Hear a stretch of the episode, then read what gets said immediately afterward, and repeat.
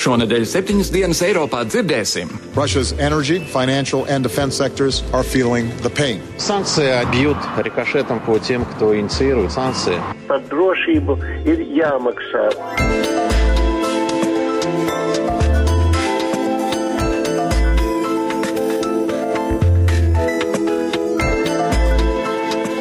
Labdien, godējamie klausītāji! Klātkārtējā pirmdiena un ēterā skan septiņas dienas Eiropā raidījums, kur spriežam par to, kas aktuāls Eiropā un par ko pēdējā laikā runā pasaulē. Pagājušajā nedēļā Eiropas Savienība un Amerikas Savienotās valstis beidzot aizstāja dusmīgus vārdus un pirkstiņa vicināšanu austrumu virzienā ar konkrētiem darbiem un ieviesa ilgi solītās trešās fāzes ekonomiskās sankcijas pret Krieviju. Ko šīs sankcijas īsti sevi ietver? Ko tās varētu nozīmēt gan ekonomiski, gan politiski, vai un kad gaidāmas kādas Krievijas pretsankcijas un kā tās ietekmēs mūsu Latvijā. Par to plašāk sarunāsimies šodien raidījumā, bet vispirms manas kolēģis Gita Siliņas sagatavotais pēdējās nedēļas galveno pasaules notikumu atskats, sākot ar tām pašām sankcijām.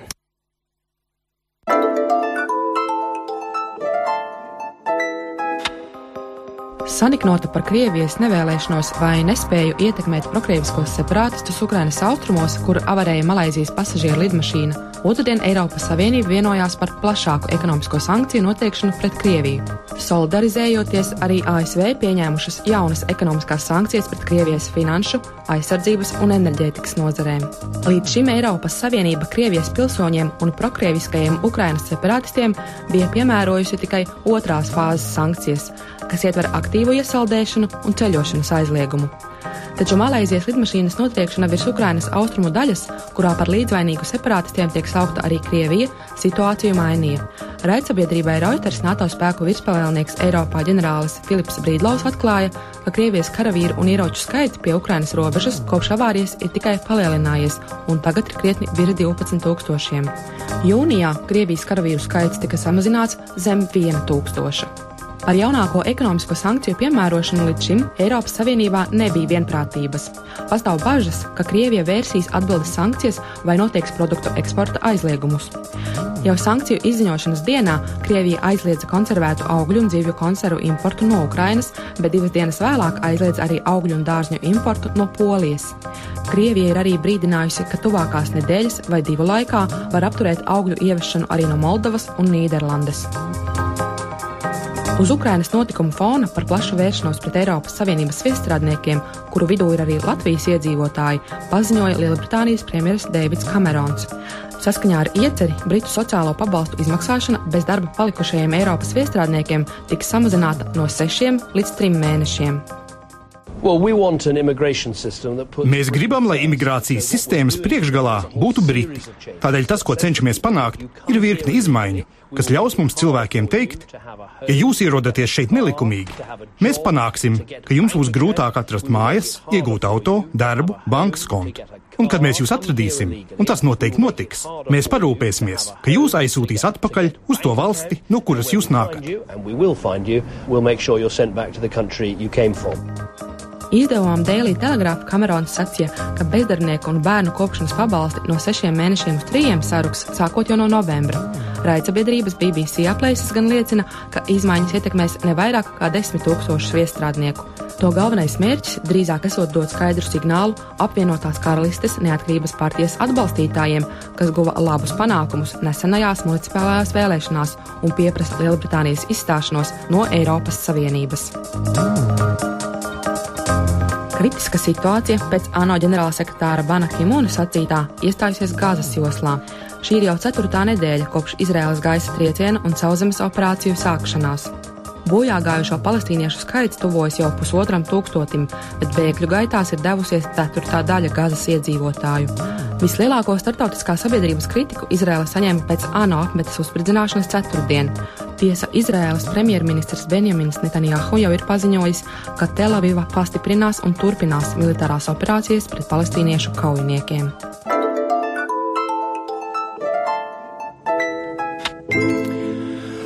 Lūk, pagājušās nedēļas notikumu atskats.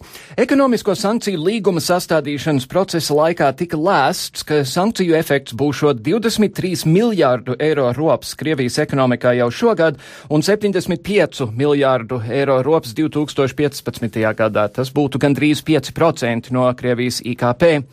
Izdevums The Economist Lielbritānijā tikmēr aprēķinājis, ka zaudējumi, ko Krievija gūst no Putina konflikta rietumiem, kopumā sasniedzot 744 miljārdus eiro vai aptuveni 5000 eiro mazāk katra Krievijas pilsoņa maciņā. Bet nenoliedzami arī Eiropas Savienība izjutīs šo sankciju sekas. Eiropas komisija sagaida, ka Eiropas Savienības ekonomikā būs 40 miljārdu eiro iztrūkums šogad un vēl 50 miljārdu rops nākamajā gadā, ja, kā ir sagaidāms, Krievija spērs pretsoļus ar tirdzniecības aizliekumiem pret Eiropas Savienības valstīm. Turklāt Eurostat dati liecina, ka valstis ar vislielāko Krievijas importa īpatsvaru attiecīgi visvairāk ciestu no Krievijas tirdzniecības aizliegumiem. Runa ir par Lietuvu, gandrīz 25% Krievu importu, Somija ar 14%, Latvija ar gandrīz 12% un Grieķija ar 9,5%. Vairāk par plānoto sankciju ietekmi mana kolēģi Jāņa Kropa sižetā.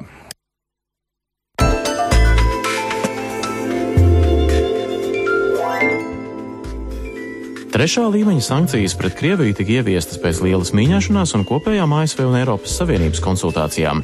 Runas par to, ka trešā līmeņa sankcijām jābūt vērstām pret noteiktām ekonomikas nozarēm, klīd jau sen.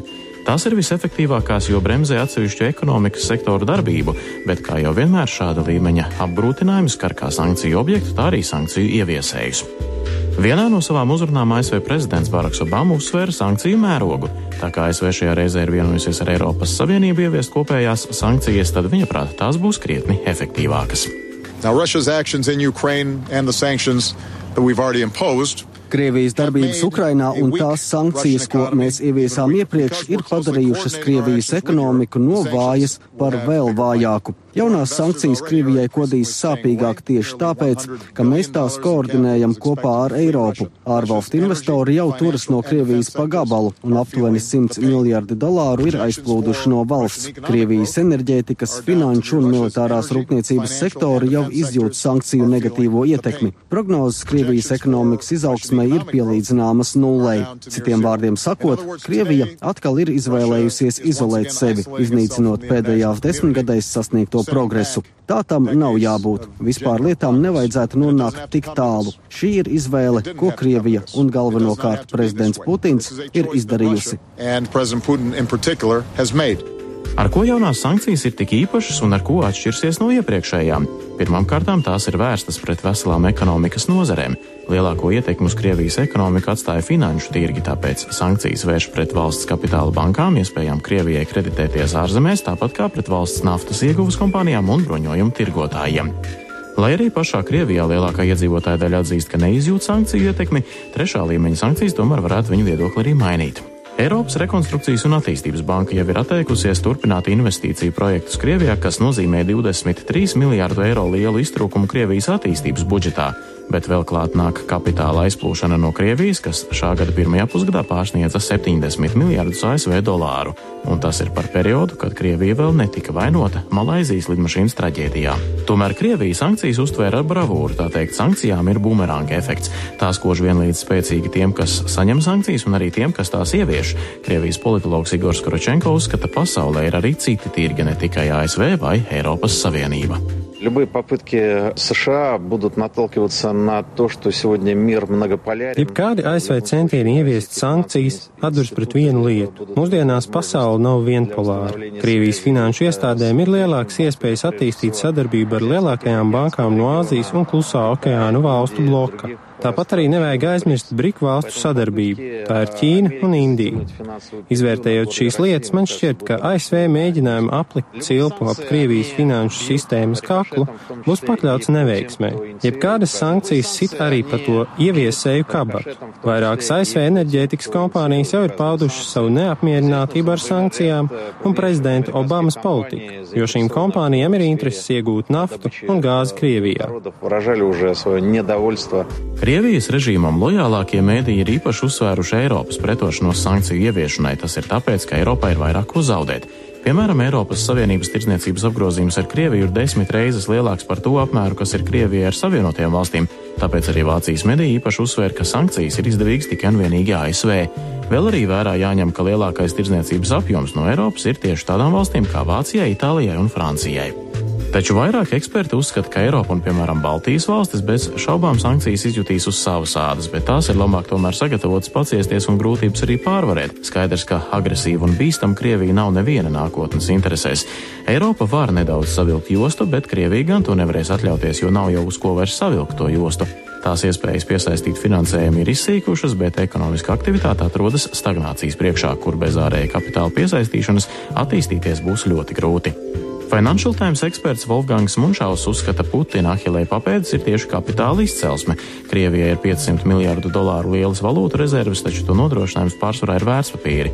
Tas nozīmē, ka Krievijai ir nauda, ko tā šobrīd nemaz nespēja izmantot. Ja gadījumā Krievijas centrālās bankas darbs tiks paralizēts, tad valstī faktiski atliek tikai atgriezties pie plānveida ekonomikas.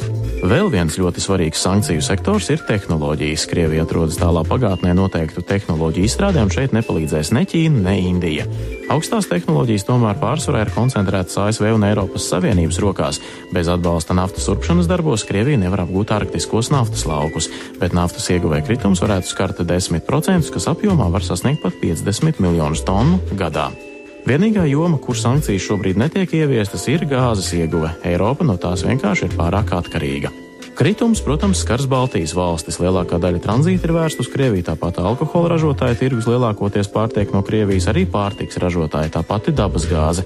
Bet kā Latvijas neatkarīgajai televīzijai atzina politologs Kārlis Daugšs, par drošību tomēr ir jāmaksā. Latvija atrodas faktiski priekšējās ļoti nestabilās pozīcijās, un, manuprāt, atbildes triecieni vai meklējumi, kādā veidā Puķins varētu atbildēt, varētu izvēlēties Latviju kā tādu demonstrācijas lauku. Un, manuprāt, ka Latvijai bija stingri jāpieprasa arī šo sankciju pieņemšanas laikā kaut kādu drošības spilvenu, jo tiešām Baltija ir diezgan vājās pozīcijās. Protams, netieši neskars mūsu bankas, taču vispār Krievijas banku satraukums par to, ka viņām nebūs refinansējums un nebūs arī pieejami kredīti, rada iespēju, ka cenas celsies, ierobežots eh, pārtikas imports no Latvijas un tā tālāk. Man šeit gribētos citēt Vācu Handelsblatt, vedošo Vācijas avīzi, kura saka, mums ir jāmaksā un mēs maksāsim ar saviem maciņiem. Vācijā sabiedriskā doma ir mainījusies, ka par drošību ir jāmaksā. Krievijas sabiedriskās domas aptaujas liecina, ka Krievijas iedzīvotāji pagaidām nesatraucas par sankcijām. Turklāt Krievija jau ir atbildējusi ar savām pretsankcijām. Taču jāpiekrīt ir politologam Kārlim Daugstam, ka cenu kāpums Krievijā tomēr ir tikai laika jautājums. Tiklīdz Krievijā pieaugs inflācija, tā arī Krievijas sabiedrība sāks pretoties visam notiekošajam. Diemžēl ir viens negatīvs apstākļus. Putins pats ir uzcēlis diezgan augstu patriotismu latiņu un atkāpties nedrīkst, tāpēc stūrī iedzīts Krievijas prezidents var sagādāt arī vēl lielākas problēmas. Mierinājums gan ir Eiropas pozīcija, ka lemjot par sankcijām Vācija, piemēram, pieprasīja, lai tās ieviestu tikai uz noteiktu laiku. Tādējādi pastāv cerības stars, ka Krievija protas un atgriežas pie izaugsmas iespējām jau pēc trim mēnešiem. Lūk, kolēģe Jāņa Kropa, ļoti interesantais sižets par eh, šīm sankcijām. Mēs tagad turpināsim sarunu par sankcijām, to ietekmi, atbildes dažādās pusēs un tā tālāk. Eh, studijā šobrīd ir Latvijas Tirdzniecības un Rūpniecības kameras valdes priekšsādātājs Jānis Enziņš. Labdien! Labdien! Un portāla Delfi žurnālists un ārlietu komentētājs Filips Lastovskis. Sveiki! Labdien jums abiem! Eh, Enziņa kungs, sāksim ar situāciju pirmdien, 4. augustā, 14.20 ar pus minūtēs ar Latvijas tautsaimniecībā brīvdienās mēs dzirdējām, ka šprotas ir kārtējo reizi aizturētas. Šodien ir bijuši spriedumi medijos, ka patiesībā jau tur vēl nekas nav. Kā, kā, kāds, kāda ir bijusi ietekme pat labam? Jā, nu, protams, tur dom, domas dalās par to, vai e, konkrēto kravu aizturēšana ir saistīta ar politiku, vai, vai tur patiešām ir bijušas kādas problēmas, un tagad laiks ir karsts un visādi var gadīties, jā. E, tā kā es domāju, ka tuvākajā laikā mēs redzēsim uz priekšu, vai šādi gadījumi atkārtosies un atkārtosies. Nu, protams, arī vēsturiski mēs atceramies, tad uh, nu, visdrīzāk nebūs nu, no Krievijas puses tādas lietas, ka viņi teiks, nu, mēs tagad kaut ko aizliedzam principu pēc, bet visdrīzāk vienkārši sekos kādas, nu, nu ja viņi gribēs atspēlēties, viņi gribēs noteikti, nu, vienkārši pastiprināt, kontrolēs kaut ko. Un skaidrs, ka pastiprināt, kontrolējot, nu, skaidrs, ka proporcionāli arī vairāk atradīsies kādas varbūt problēmas situācijas un, Un, nu, ja ļoti, ļoti grib kaut ko vienmēr atrast, nu, tad, tad iespējams, ka arī parādīsies kādas problēmas. Tā kā, nu, Nu, laiks rādīs, kā būs ar, ar šīm lietām. Katrā ziņā nu, pirmās krāvas jau ir cietušas. Kā, jā. Jā. Cik bieži pagātnē ir izrādījies, ka tad, kad pēkšņi Krievijas vēderi ir izrādījušies pārāk jūtīgi kaut kādai Latvijas precei, tik tiešām ir bijusi kāda veselības problēma ar attiecīgo preci? Nu, cik es atminos, nu, pārsvarā tādām nopietnākām pārbaudēm vienmēr ir, ir, ir tiešām nu, bijis vairāk politiska rakstura mm, teiksim, situācija. Ja? Bet, nu, protams, kad uh, arī Latvijas kontrolas dienas uz robežu strādā un, un, un ne visu ielaiž, ja? tā kā nevienmēr, nevienmēr tur arī ir politika. Ja? Tā kā, nu, ir arī tiešām situācijas, kur, kur pārbaudas dienas dara savu darbu. Savukārt, Lastovska kungs, kas mani, manu ausi aizķēra Jāņa Kropas sižetā, bija šī saruna par to, ka Krievija ļoti viegli tagad var pārmesties uz Āziju, un ir taisnība, ka sankciju kontekstā mēs esam runājuši par Ameriku un Eiropas Savienību. Āzijā nevienam neinteresē šīs lietas. Āzijā neviens neiebilst pret to, ka Malaizijas lidmašīna tika nogāsta. Iebilst, taču diplomātijas attiecības starp Ķīnu un uh, Krieviju ir daudz slīpētākas, lai arī Ķīna spētu pievērt acis pat uz tādiem notikumiem. Un Ķīna pati ir savstarpēji uh, samērā nu, asās attiecībās ar rietumu pasauli aizvien, lai gan nu, attīstās tirzniecība, tomēr šīs attiecības ar Krieviju ir daudz labākas. Līdz ar to Ķīna šeit pat var izmantot iespējas un vēl vairāk nostiprināt. Tāpat kā Krievija. Abām šīm lielajām valstīm, kas ir galvenie spēlētāji, kad runā par Āzijas tirgiem Krievijai tagad tad abas ir liels ieguvējs. Bet vai jūsuprāt, Amerika varētu pateikt, ziniet, ko, dārgie, mēs esam ierobežojuši Krievijas finansiālo sektoru, un ja jūs vēlaties ar mums turpināt tirgoties, tad protieties? Nu, ja nebūtu tāda situācija, ka Ķīna turētu tik lielu parādu no ASV, tad iespējams. Taču šajā gadījumā ASV ir pati atkarīga no Ķīnas lielā mērā. Mm -hmm. Enziņkungs, domājot uh, tālāk, šprotis, protams, ir viena lieta, kaut kā nav izdevies rietumē Eiropiešiem iestāstīt, ka mūsu šprotis ir garšīgas, bet ir tranzīta industrija un ir īpaši enerģētikas jautājums. Uh, par ko jūs domājat pat labam skatoties uz paš, pašreizējo situāciju un šīm lietām?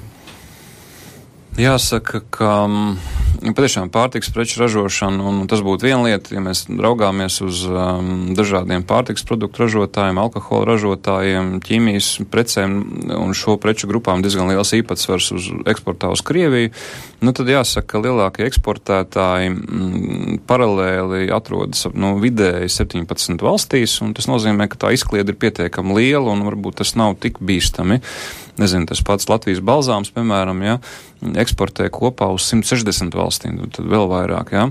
Nu, tajā pat laikā, protams, ka apjomu uz Krieviju ir, ir, ir pietiekami lieli ja, atsevišķiem uzņēmumiem, un, un tur ir problēma.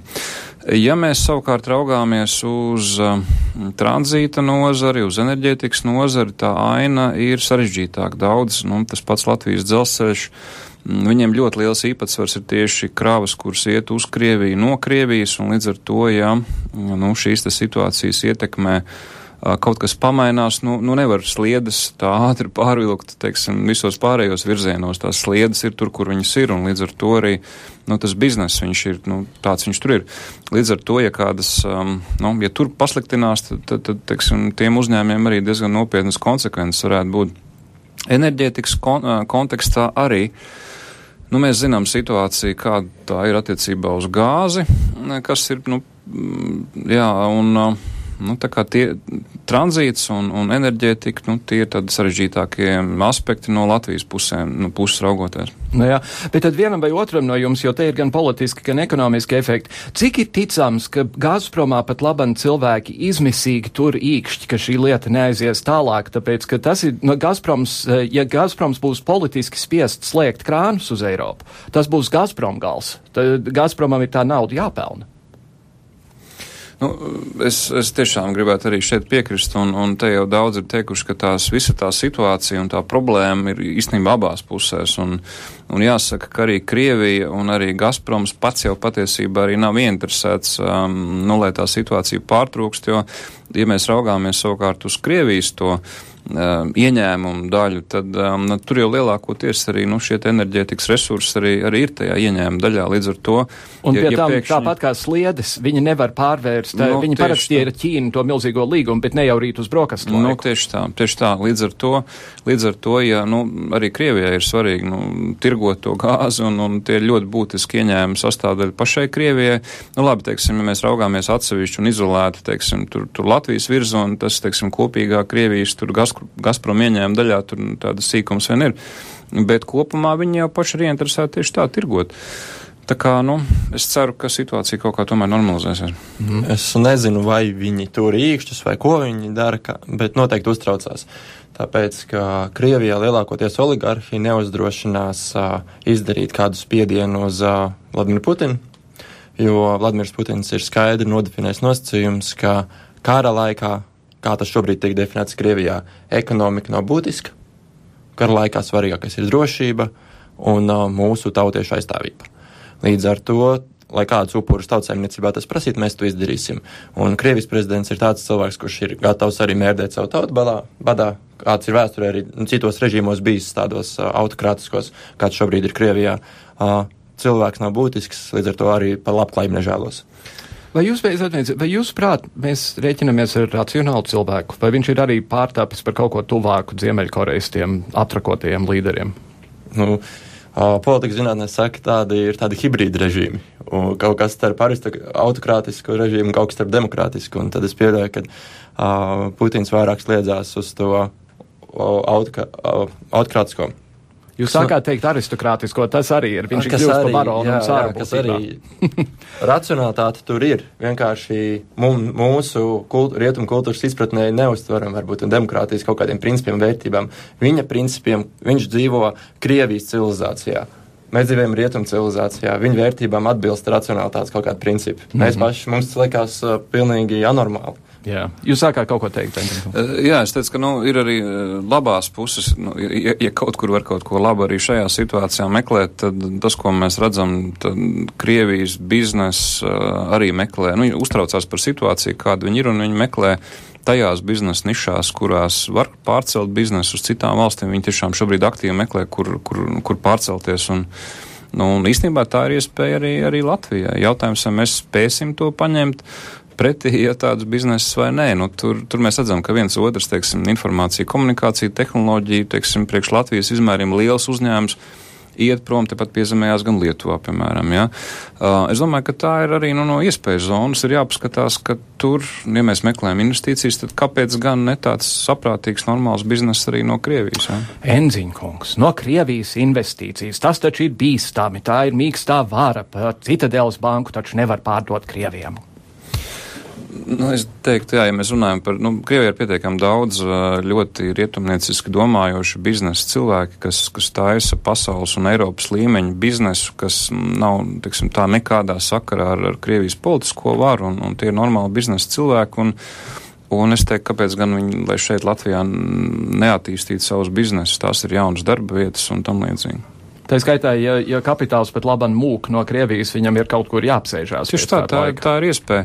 Nu, mēs redzam, ka situācija, ja mēs raugāmies kopā uz, uz, uz Latvijas, to arī to, to pašu demogrāfiju, ja, ir, ir īstenībā traģiska. Viņa, ir, viņa šobrīd ir tā, ka mēs katru dienu zaudējam 60 cilvēkus. 60 cilvēkus. 21 cilvēku mēs zaudējam dzimstības mirstības dēļ.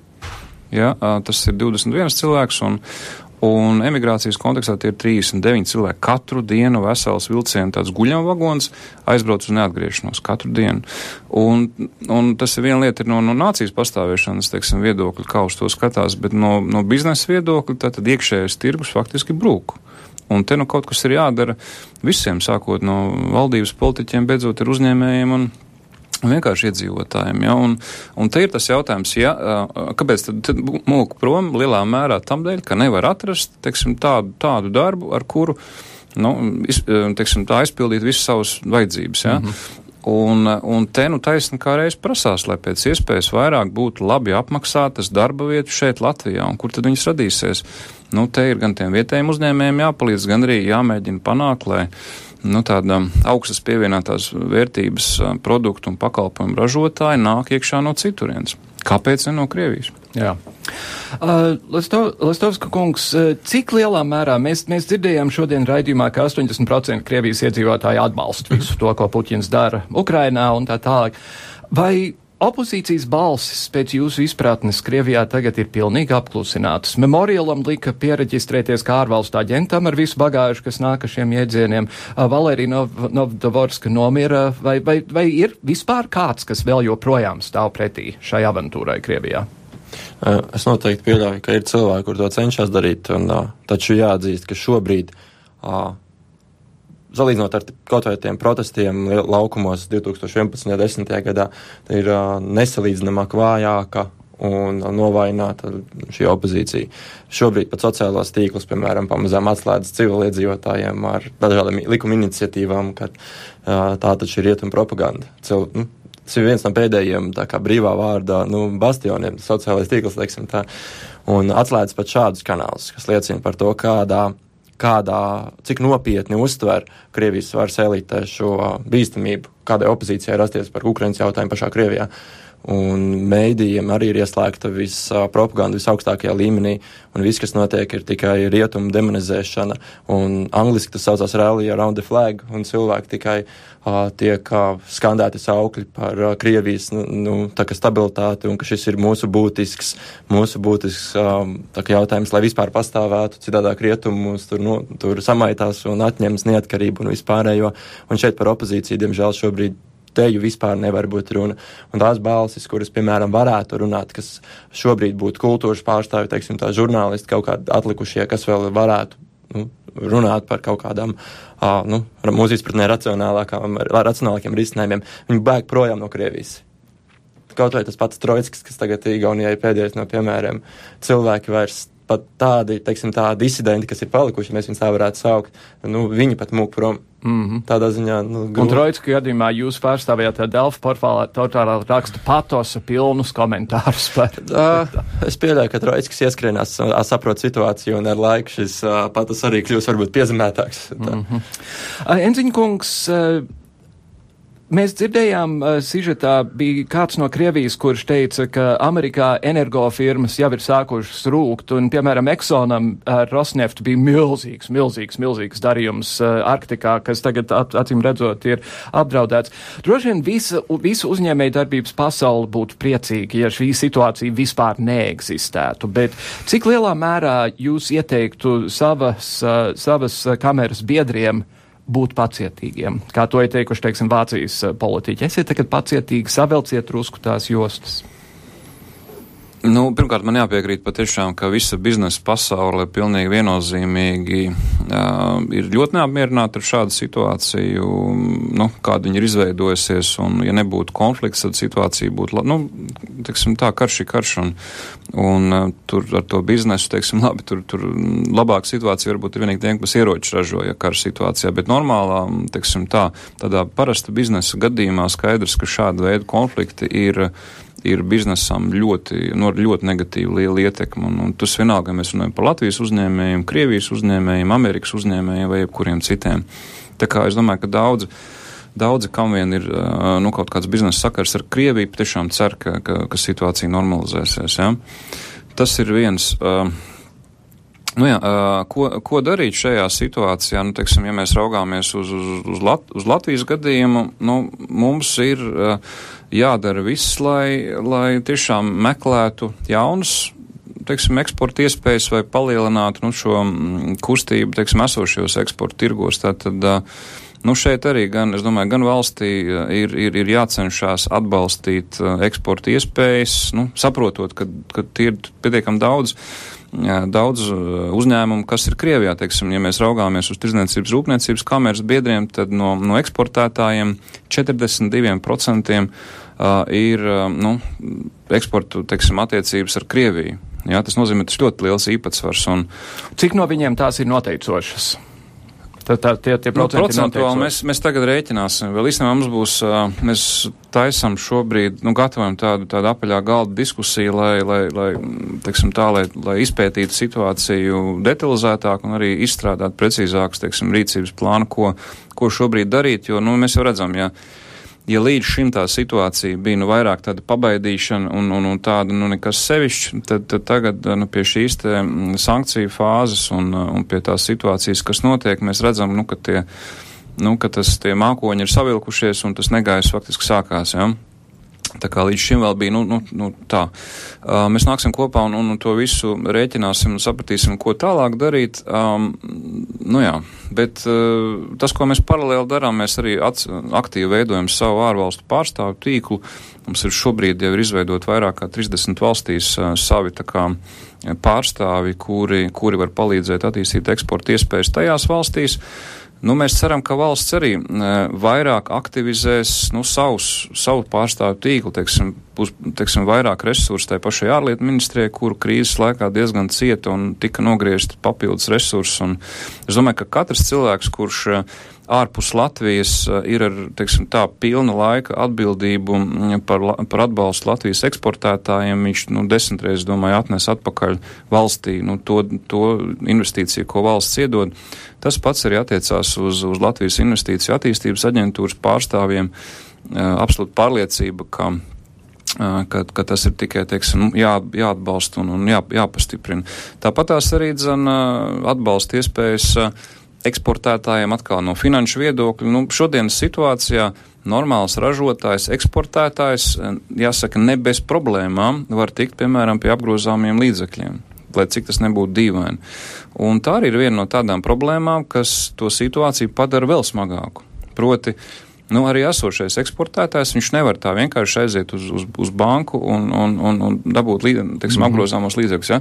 Šīs visas ir pozīcijas, kuras vajag nu, apzināt.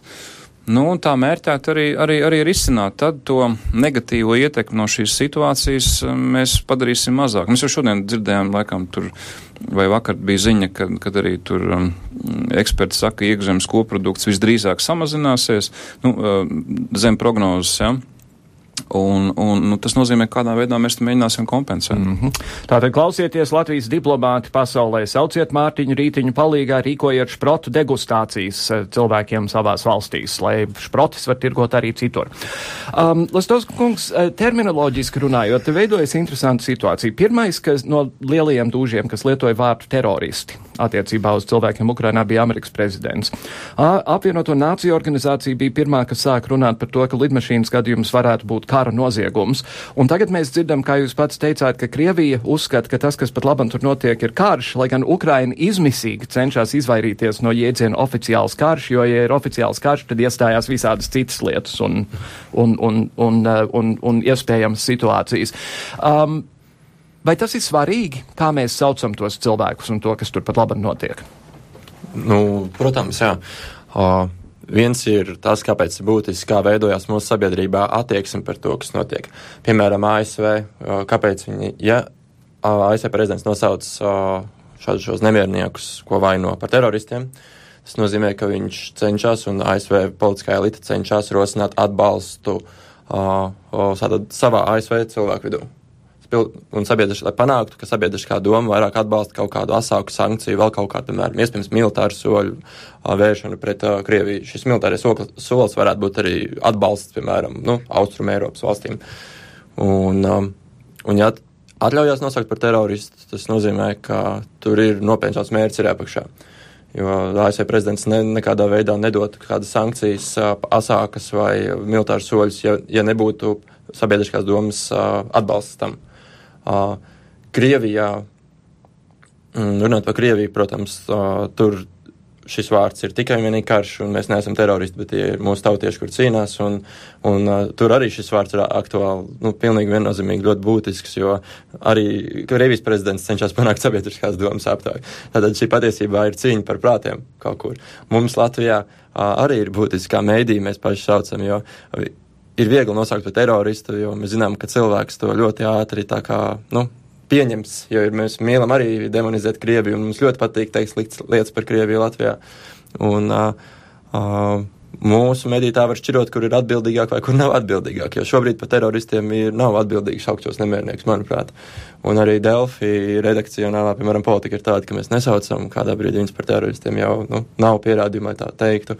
Un šie nemiernieki vēl aizvien kas, manuprāt, ir daudz precīzāks definējums, uh, ir, nu, nav tā skaidra nodefinējuma, kurā pozīcijā viņi ir, kur ir, kuri. Tur ir ļoti daudz arī tiešām paši Ukrainā daudz desmitus gadus dzīvojuši cilvēki, lielākoties pie tam tie cīnītāji. Ir viegli maldināt cilvēku ar šiem saukļiem un, un kādu nodefinējot. Bet nē, tas, ko tas, tas prima, atbildot to primārs jautājumu, tas, ka ASV prezidents viņus sauc par teroristiem, ir indikators tam, ka ir gaidām kādā asāk soļi vēl. Vai Delfiem neliekās, ka nogāzt lidmašīnu pasažieru lidmašīnu nav terorista akts? Apzināti nogāzt lidmašīnu ir.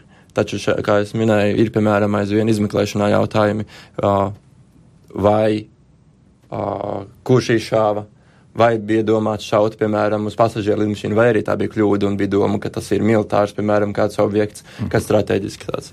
Ai, šī žurnālistiskā precizitāte, jāsaka. Enzinkungs, ko gudri uzņēmēji šonedēļ darīs, lai tie, kuriem ir kaut kādas saites ar Krieviju? Nu, Jāsaka, ka uzņēmēji šobrīd ir diezgan aizņemti ar, ar to, kādā veidā nu, palielināt apjomu citos eksporta tirgos. Nu, tas ir, domāju, primārais jautājums, jo tās, tā sliktā ziņa no visa šī ir tā, ka, diemžēl, tā gaisma tuneļa galā nu, nu nav redzama. Diemžēl tā, tā bilde paliek tikai ar vien sliktāku un sliktāku, un, un tas nozīmē, ka diezgan labu laiku uz priekšu, nu vienkārši ar to ir diemžēl jārēķinās, un tas nozīmē, ka, nu, ja grib, teiksim, tā ir vēlme mazināt zaudējumus no šīs situācijas, nu tad vienkārši nav varianti. Ir, ir jāpārorientējās uz, uz, uz, uz citiem tirgiem, citām aktivitātēm, lai cik tas nebūtu sāpīgi. Nu, priekš Latvijas gadījumu tas tiešām ir ļoti sāpīgi, jo nu, ne, neaizmirsīsim, ka Krievija ir pirmkārt jau liels tirgus, un otrs, ka viņi ir, viņi ir tepat, viņi ir nu, aiz robežas. Un, un daudziem uzņēmumiem tomēr pierasts tirgus. Nu, tieši tā. Un otrādi. Tieši Cilvēkiem tā. patīk dzintars un laima un, un vispārējais. Vai ir vērts paskatīties 16 gadus atpakaļ, vai tad, kad bija Krievijas defaults, kas bija arī ilgstoša situācija, vai no tā laika ir kaut kas, ko mēs varētu izmantot tagad kā mācību? Nu, es domāju, ka šodien tās sekas jau nebūs jau tik uh, smagas, kādas viņas būtu bijis, ja nebūtu šo mācību iepriekšējos gados. Es domāju, ka um, Krievijas krīzes dēļ, um, nu, kad tas bija ļoti, ļoti smagi. Ļoti daudziem uzņēmumiem um, uzņēmēji ievers, ie, iemācījās nu, diversificēt, jeb tā tad. Uh, Nu, sadalīt šos eksporta tirgus, un, un jāsaka, šodien nu, mēs redzam jau diezgan lielu izkliedi. Arī kopumā, ja mēs te jau te izskanēja cipari, um, kopumā tas eksporta apjoms uz Krieviju ir kaut kur 11%. 11% ir daudz, bet 11%, nu, kā mēs redzam, ir tomēr tie paši 11%, kas jā. atkal nav izšķiroši, jā, nu, nāvīgi. Jā. Līdz ar to nu, nav vairs tik smagi, kā, kā tas varbūt bija tajos gados. Un, Lastovska kungs, mē, ziņās īsi pirms šī raidījuma izskanēja vēsts, ka Krievija ir piekritusi atvērt humanitāru koridoru, caur kuru var izsprukt laukā Ukraiņu karavīri, kas bija šo nemiernieku aplenkti, un pēc tam iet atpakaļ uz Ukrainu. Tas, tas likās tā drusku mīļi un negaidīti no Krievijas puses, tā, tā, tādu, tādas durtiņas atvērt vaļā. Vai jūsuprāt, patiesībā kaut kur Krievijā pat Putina prātā sākās doma, ka, nu, kaut kad vajag šito lietu noveikt, novest līdz beigām, jo, jo pat labam tas ir drusku pārāk bīstam arī mums pašiem? Es ticu, ka Krievijai noteikti ir plāns. Un es patiesībā, protams, mēs nekad neko nevaram zināt par 100%. To zina tikai pats Putins. Mm -hmm. Bet uh, iespējams par vairāk kā 90% tur ir schēma, kā konflikts beidzās. Un, uh, manuprāt, ir naivi domāt, ka Putins savā plānā ir ierēķinājis, ka viņš atsakās no Luhanskas un Doņetskas. Lai gan šobrīd tur ik pa laikam mēs dzirdam, ka Ukraiņas armija gūst kāds panākums, taču ilgtermiņā uh, plāns noteikti paredz to, ka daļa no austrumu Ukrainas, ne tikai Krīma, paliek uh, Krievijas kontrolē. Vai tas jautājums, vai viņi tiek iekļauti kā, tur, uh, kā kāds no federālajiem apgabaliem, vai tā vienkārši ir kaut kāda ietekmes zona, tas vēl varbūt to mēs nezinām. Bet šāda koridora veidošana ir tāds kā klajāks solis, kad uh, Krievija vairs nebaidās teiksim, slēpt kaut kādas lietas, uh, slēpt uh, palīdzību nemierniekiem. Uh, tas jau ir klājš atbalsts. Mm -hmm. Un uh, nu, nodefinēšana par humanitāro palīdzību, nu, tas ir joks. Nu, tas nav nopietni šā, tā to sevi. Protams, ka tā ir, tas nav nekāda humanitārā palīdzība, tas ir militārais atbalsts. Bet vai tas nenozīmē bezgalīgas sankcijas, jo, jo Osetija ir viena lieta, lie, viena trešā daļa Ukrainas tomēr, vai viena piektā daļa Ukrainas ir kaut kas cits? Starptautiskajā politikā runā parasti par to, ka, kāpēc ekonomiskās sankcijas pielietot. Ja lielākoties pētnieki saka to, ka viņas nestrādā. Vēsturē ekonomiskās sankcijas nestrādā. Nu, pret, pret Irānu strādāja. Daļēji.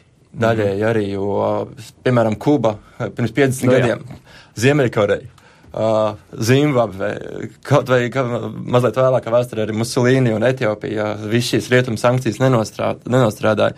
Uh, Irāna, jā, daļai to varētu saukt par kaut kādu veiksmu soli, bet arī nav tur galējas vienošanās par kaut mhm. kādas kodola programmas pārtraukumu.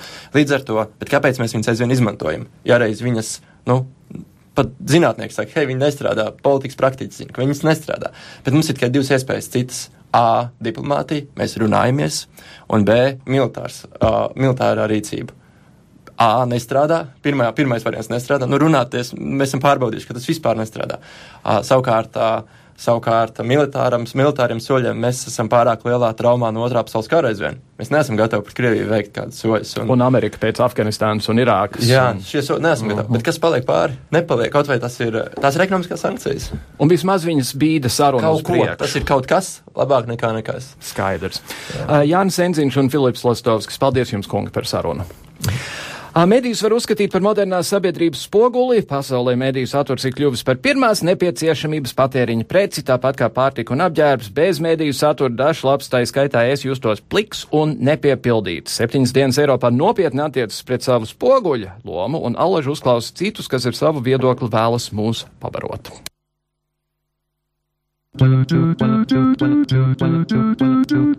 Politoloģe Ilze Ostrovska par to, vai mēdīji varētu līdzēt risināt Ukrainas krīzes jautājumu. Kas attiecas uz ļoti sāpīgo Ukrainas jautājumu, tad mani pārsteidz atrodoties ilgāku laiku Lielbritānijā. Mani pārsteidza tas, ka tomēr mēdīji, teiksim, Lielbritānijā un tagad atbraucot, es to redzu šeit Latvijā, nemaz nerunājot par medijiem Krievijā, atspoguļo dramatiski atšķirīgi. Es teiktu, dramatiski atšķirīgi, un abas puses pat nepieļauj domu, ka varētu būt arī vēl kāds atšķirīgs viedoklis. Es negribētu teikt, ka Lielbritānijai būtu jāpieņem Krievijas viedoklis, Bet es domāju, ka ļoti daudzos jautājumos Lielbritānijai būtu jādara zināms saviem iedzīvotājiem Krievijas viedoklis. Vienkārši jādara zināms daudzos jautājumos. Es domāju, ka tas palīdzētu tuvināt, atrisināt šo jautājumu. Protams, ka viņš risināsies sarunās starp Eiropas Savienību, ASV un Krieviju. Iet līdz lidmašīnai, tā bija patiesībā vienaldzība, dziļa. Es biju šokēta, jo vienkārši no saviem paziņām es, es gāju vienkārši internetu tīklos Ukrainas. Ne tik daudz Krievijas kā Ukrainas kaut vai un stāstīja, kas patiesībā tanī brīdī notiek. Tur ir tāda diezgan liela vienaldzība, jo orientācija ir uz savu komfortu. Pēc lidmašīnas notriekšanas, protams, ka stāvoklis krasi mainījās Bet tad, protams, kā viņi paši novērtē savu attieksmi ar vārdu enoid. Tas tāds, nu, it kā diezgan smalks vārds tam stāvoklim, kāds tur pēc tam bija, tam noskaņojumam, bet tas ir diezgan stiprs pašu rietumnieku uztverē. Un tad piepeši viņi sāka vairāk interesēties, vairāk stāstīt, bet arī es teiktu tā virsējos 10% no informācijas. Teiksim, salīdzinot to informāciju, kas ir rietumos un salīdzinot to, kas ir Ukrainas saitos svarīgi gan, gan austrumos, gan rietumos ir klausītāju un skatītāju viedoklis. Un tad ir tas aburtais lokus - atražot to, kas palīdz noturēt reitingus. Un reitings kā parasti palīdz noturēt nevis dziļāka analīze un dažāds skats uz lietām, bet noteikti skats, kas sasaucās ar klausītāju un skatītāju vairākumu viedokli. Tur ir tā lielā nelaime. Tāpēc arī mainīt un pāraut šo aburto loku ir diezgan grūti. Lūk, politoloģe Ilze Ostrovska. Ostrovskas kundze lietoja vārdu annoid. Tas nozīmē aizkaitināts vai lietojot ļoti kārtīgu latviešu vārdu škrobēts par kaut ko. Un uh, Filips Lastovskis lietoja iedzienu rally around the flag. Tas nozīmē pulcēsimies zem karoga un būsim savas valsts patrioti. Ar to arī izskan mūsu raidījums septiņas dienas Eiropā. Mēs dzirdējām, starp citu, apskatā par aizgājušo nedēļu, ka Lielbritānijas premjeras ir sācis diezgan skaidrs skarbi runāt par cilvēkiem, kas mēģina pārcelties uz viņu valsti un strādāt, un mēs dzirdējām Enziņu kungu runājam par to, ka 60 cilvēki katru dienu pazūd no Latvijas. Arī tas ir kaut kas, uz ko mēs noteikti skatīsimies tuvākajā nākotnē šajā raidījumā. Paldies, ka šodien klausījāties. Līdz nākamajai reizei visu labu!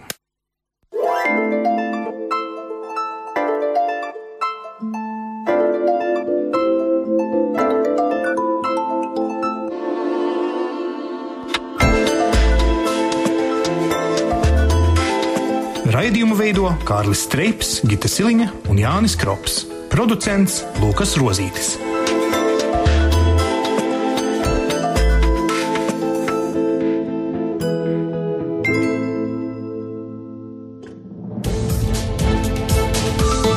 Visus Eironet plus sižetus un raidījumus meklējiet Latvijas radio mājaslapā.